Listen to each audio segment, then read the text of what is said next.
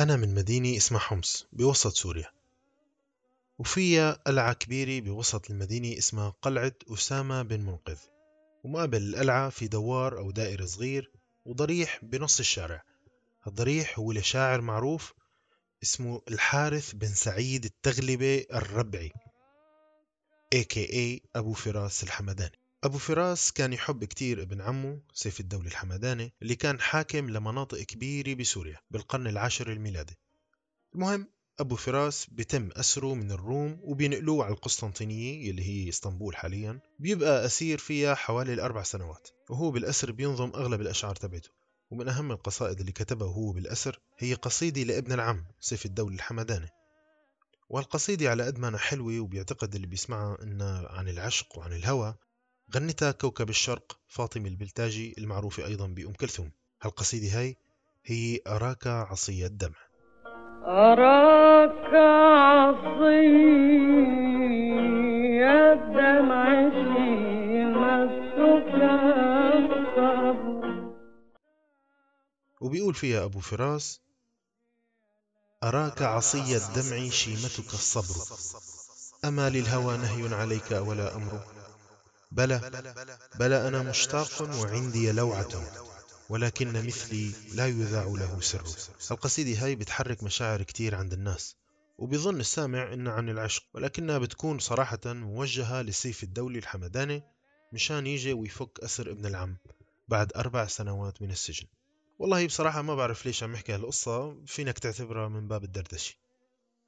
اليوم رح أحكي عن سلطان الأكلات بفطور يوم الجمعة عنا بسوريا فنحن بسوريا بنحب نفطر يوم الجمعة فول مدمس. الفول معروف وما بدي أحكي عنه ولا عن فوائده التي تملأ الصفحات أنا حابب أحكي عن الفول من ناحية تانية.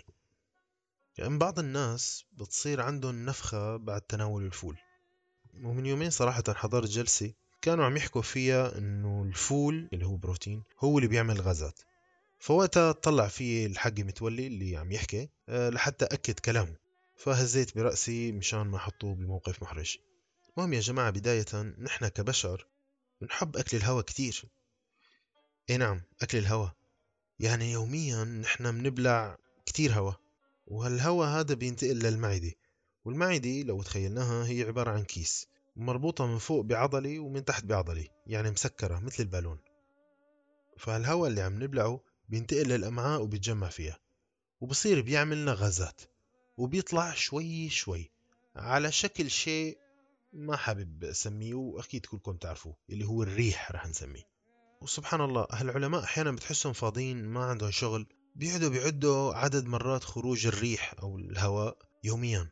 وطلع معهم رقم يعني متوسط إنه الإنسان العادي طبيعي بيطالع باليوم ريح بمعدل بين 12 وال 25 مرة باليوم. هذا شيء طبيعي يعني ما واحد سيء اللي بيعمل هيك. وأغلب هالهواء أو الريح بيطلع من جسمنا خلال النوم. مشان هيك انتبه وانت نايم. نرجع للفول. الفول فيه سكر معقد اسمه رافينوز شو اسمه؟ رافي نوز. هالسكر هذا مميز لأنه مبدأه بسيط. يعني هو بيتكون من ثلاث سكريات بسيطة. بنقدر نأكلها نحن بشكل عادي وما بصير عنا أي مشكلة. ولكن لما بيجتمعوا هالشجعان الثلاثة هدول هالسكريات الثلاثة هدول هون الجسم بقى ما بيقدر يهضمهم. ما عنا مقص أو إنزيم لحتى يهضمهم. لأنه مثل ما بنعرف جميعا نحن جسمنا ما بيقدر يفوت مما كان لجوا الدم. يعني كل شو ما بدك اشرب كولا كل نتيلا صفيحة اللي بدك إياه. بس معدتك وامعائك رح يستلموا هالأكل ويقصقصوه ويزبطوه ليصير بسيط وصغير وبيقدر يفوت من خلال الأمعاء لجوا الدم. يعني مثلا مثلا لو عطيناك صباع كفتة تتغذى عليه. وأخذنا جرعة دم ما رح نلاقي بالدم أي صباع كفتة على عكس ما قال عبد العاطي. ولكننا رح نلاقي حموض أمينية بسيطة وسكريات بسيطة ودهون على شكل triglyceride. ما في شيء مشربك ما في شيء معقد. الرافينوز هو سكر ثلاثي بيتكون من سكرة وحدة جلوكوز وسكرة وحدة فركتوز وسكرة وحدة جلاكتوز وهدول ما عنا نحن مشاكل معهم يعني شخصيا. ليش؟ لأنه نحن بنقدر نمتصهم بسهولة. بس إيمت لما بيكون كل واحد لحاله. أما يجوا هيك مع بعض ويتجمعوا ويعملوا لنا قلق بحيث إنه كل واحد يمسك بإيد الثاني وقتها جسمنا ما بيقدر يهضمهم. يعني ما بيقدر يحطمهم. وبالتالي ما رح يقدروا يفوتوا لجوا الدم. فبالتالي رح يضلوا بالأمعاء الدقيقة وبعدين يروحوا على الأمعاء الغليظة. وهون بتجي بكتيريا اسمها Bilophila wadsworthia وبكتيريا تاني كمان اسمها Methanobrevibacter smithii. هدول البكتيريا هاي وبكتيريا تاني طبعا بتجي وبتاكل هالسكر الثلاثي اللي حكينا عنه اللي اسمه رافينوز وبعدها بتطلع لنا غازات طبيعية بقى مثل الميثان مثلا. هالغاز الميثان بيشعل وقابل للانفجار في الأماكن الضيقة وفهمكم كفاية. الخلاصة أبو فراس الحمداني كتب أراك عصي الدمع شيمتك الصبر. إجت أم كلثوم وغنتها جيت أنا كتبت عن الرافينوز اللي هو سكر ثلاثي. بيت شعر وقلت فيه أراك عصي الهضم شيمتك الصبر. الرافينوز موجود بالفول وبالبقوليات وجسمنا ما بيقدر يحطمه. وهون بتيجي بكتيريا اللي سميناها هي الأسماء المعقدة.